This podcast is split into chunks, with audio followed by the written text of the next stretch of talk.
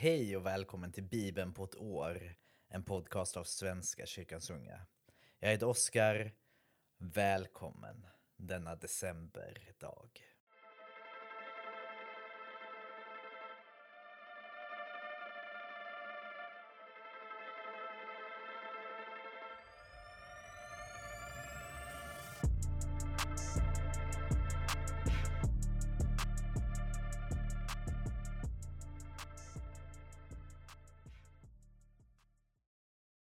Vi ber. Tack Gud för idag. Tack för detta året.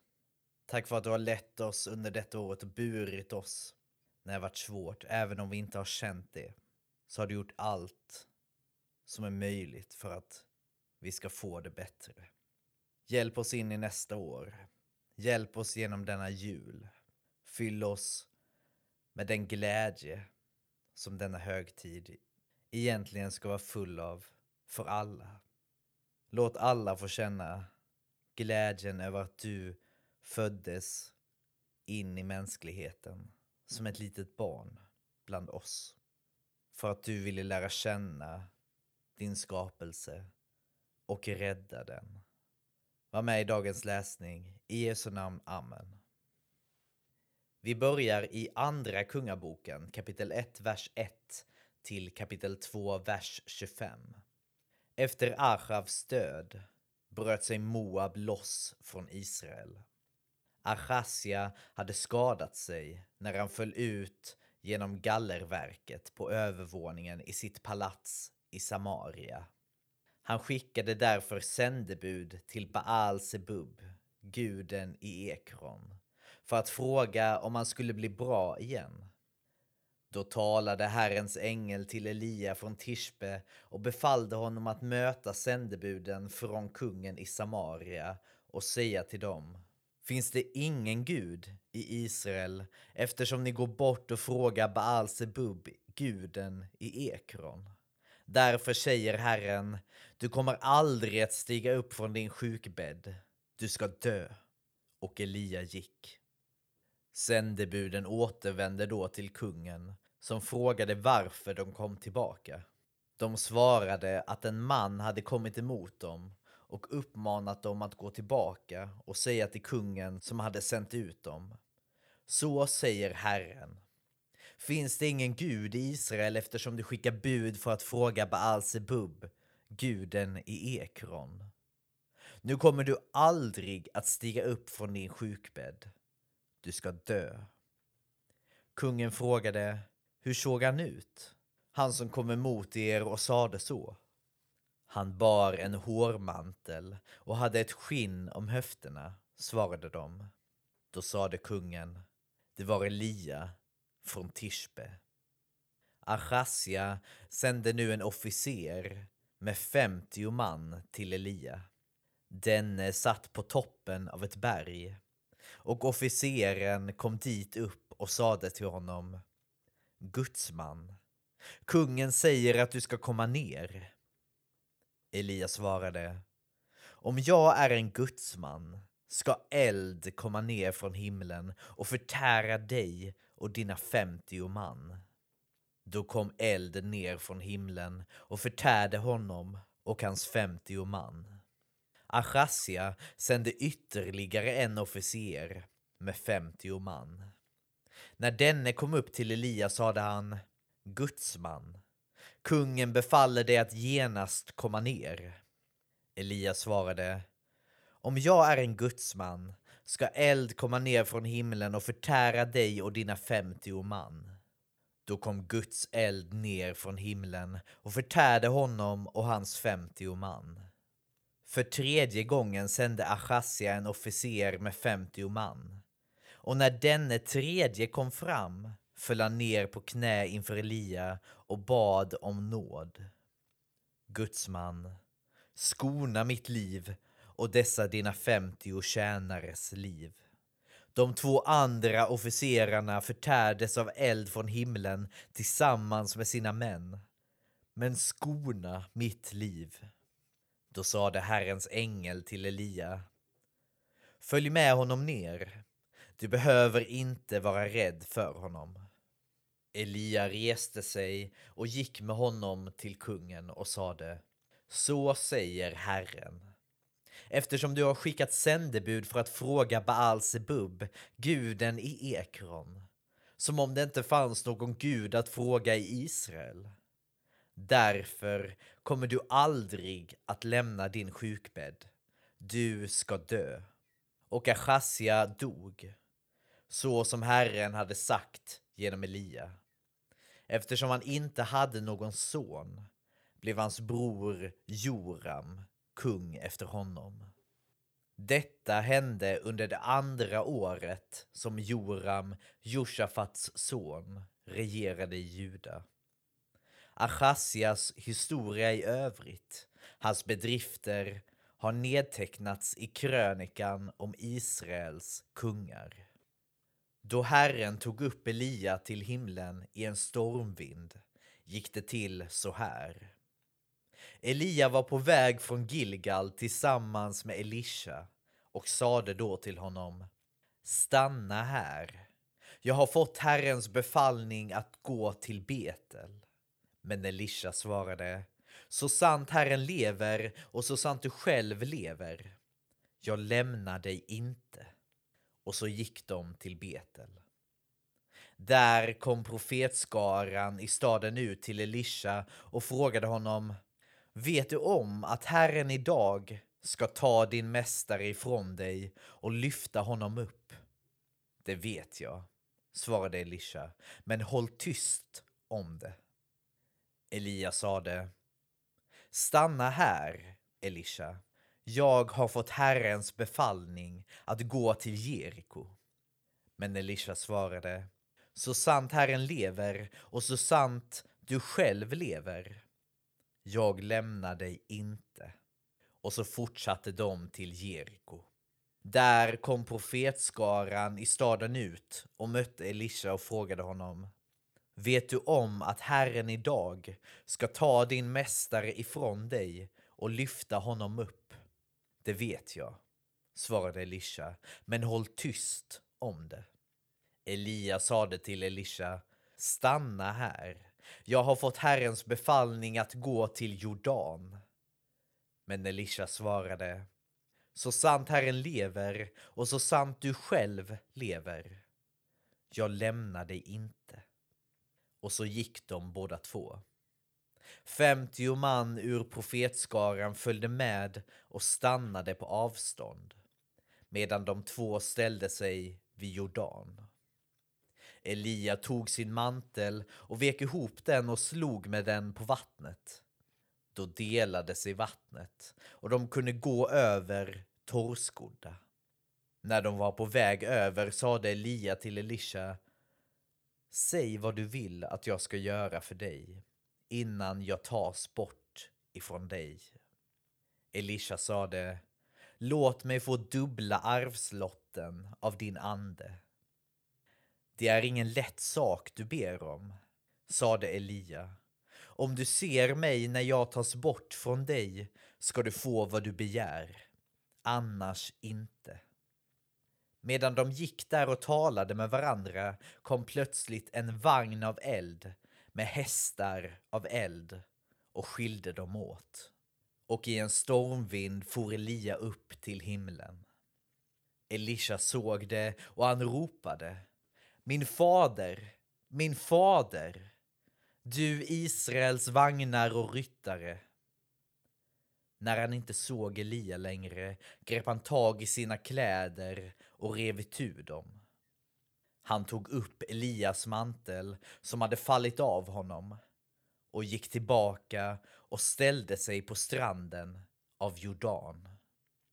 Där tog han manteln som hade fallit av Elia och slog med den på vattnet och sade Var är Herren, Elias Gud? När Elisha slog på vattnet delade det sig och han kunde gå över. Profeterna från Jeriko hade stått på avstånd och sett Elisha. Nu finns Elias ande hos Elisha sade de.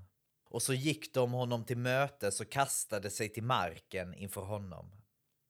Herre, sade de, vi har femtio duktiga karar här. Låt dem gå ut och leta efter din mästare. Kanske har Herrens ande burit iväg honom och kastat honom på ett berg eller i en dal någonstans. Nej, skicka ingen, sade Elisha. Men profeterna bad honom så enträget att han till sist gav efter och lät dem skicka ut de femtio männen. De letade i tre dagar utan att finna Elia. När de kom tillbaka till Elisha, som var kvar i Jeriko, sade han Jag sade ju att ni inte skulle gå. Männen i staden sade nu till Elisha Som du ser, herre, har staden ett bra läge. Men vattnet är skadligt och missfall vanliga i trakten. Då sade han Hämta en ny skål och lägg salt i den. När de gett honom vad han begärde gick han ut till källan, kastade saltet i den och sade Så säger Herren. Jag gör nu detta vatten friskt. Det ska inte längre orsaka död eller missfall. Vattnet har varit friskt sedan dess. Precis som Elisha sade. Från Jeriko gick Elisha upp till Betel. När han var på väg dit kom en hop småpojkar ut från staden och gjorde narr av honom. Ge dig iväg, flintskalle, ropade de. Ge dig iväg, flintskalle. Elisha vände sig om, såg på dem och förbannade dem i Herrens namn. Då kom två björnhonor fram ur skogen och rev ihjäl 42 av barnen.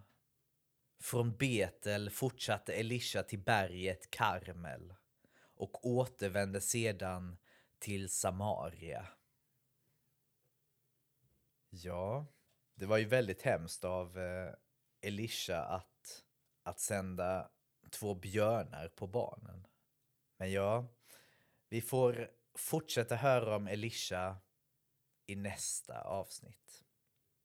Vi fortsätter i Apostlagärningarna, kapitel 13, vers 42 till kapitel 14, vers 7. När de gick ut bad man dem att få höra mer om detta nästa sabbat. Och när man skildes åt efter gudstjänsten gjorde många judar och gudfruktiga proselyter sällskap med Paulus och Barnabas som talade till dem och uppmanade dem att hålla sig till Guds nåd.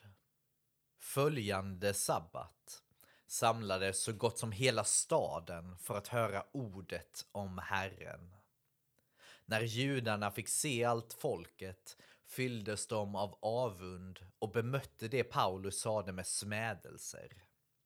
Men Paulus och Barnabas svarade frimodigt. Det var ni som först skulle få höra Guds ord förkunnas. Men när ni nu visar det ifrån er och dömer er själva ovärdiga det eviga livet, då vänder vi oss till hedningarna. Ty så har Herren befallt oss. Jag har gjort dig till ett ljus för hedningarna, för att du ska bli till frälsning intill jordens yttersta gräns. När hedningarna hörde detta blev de glada och prisade ordet om Herren. Alla som var bestämda till evigt liv kom till tro och ordet om Herren fördes ut i hela den trakten. Men judarna hetsade upp de gudfruktiga kvinnorna av förnäm familj och de ledande männen i staden. De fick igång en förföljelse mot Paulus och Barnabas och drev bort dem från området. De båda skakade dammet av sina fötter mot dem och gick till Ikonion. Och lärjungarna uppfylldes allt mer av glädje och helig ande. Även i Ikonion gick de till judarnas synagoga och predikade där på ett sådant sätt att en stor mängd judar och greker kom till tro. Men de judar som inte ville tro hetsade upp hedningarna mot bröderna och förgiftade deras sinnen. Emellertid stannade Paulus och Barnabas där en längre tid och talade öppet och frimodigt i förlitan på Herren, som bekräftade sitt nåderika ord genom att låta dem göra tecken och under. Men folket i staden delade sig i två läger. Somliga höll med judarna och andra med apostlarna. När dessa förstod att hedningarna och judarna med sina ledare i spetsen hade satt sig i sinnet att misshandla dem och stena dem flydde de till Lystra och Derbe, två städer i Lykaonien och trakterna däromkring. Och där fortsatte de att förkunna budskapet. Ja, där de inte fick gehör för vad de ville förmedla så skakade de bara av dammet och fortsatte vidare. Det är nog en bra strategi att ha med sig även i nutida kontext. Man behöver inte alltid slåss för att ha rätt, utan är det rätt så kommer det slå rot ändå. För jag tror och hoppas att kärleken och friden segrar till slut. Men ja, ibland kan det säkert krävas mer än att bara skaka av sig och gå vidare. Vi fortsätter i Saltaren 139. För körledaren av David, en psalm. Herre, du ransakar mig och känner mig. Om jag står eller sitter så vet du det. Fast du är långt borta vet du vad jag tänker. Om jag går eller ligger så ser du det. Du är förtrogen med allt jag gör. Innan ordet är på min tunga vet du, Herre, allt jag vill säga. Du omger mig på alla sidor. Jag är helt i din hand. Den kunskapen är för djup för mig. Den övergår mitt förstånd. Var skulle jag komma undan din närhet? Vart skulle jag fly för din blick? Stiger jag upp till himmelen finns du där. Lägger jag mig i dödsriket är du också där. Tog jag morgonrodnadens vingar gick jag till vila ytterst i havet så skulle du nå mig även där och gripa mig med din hand. Om jag säger mörker må täcka mig, ljuset omkring mig blir natt, så är inte mörkret mörkt för dig. Natten är ljus som dagen. Själva mörkret är ljus. Du skapade mina inälvor. Du vävde mig i moderlivet. Jag tackar dig för dina mäktiga under, för underligt är allt du gör. Du kände mig allt igenom. Min kropp var inte förborgad för dig när jag formades i det fördolda, när jag flätades samman i jordens djup. Du såg mig innan jag föddes. I din bok var de redan skrivna, de dagar som hade formats innan någon av dem hade grytt.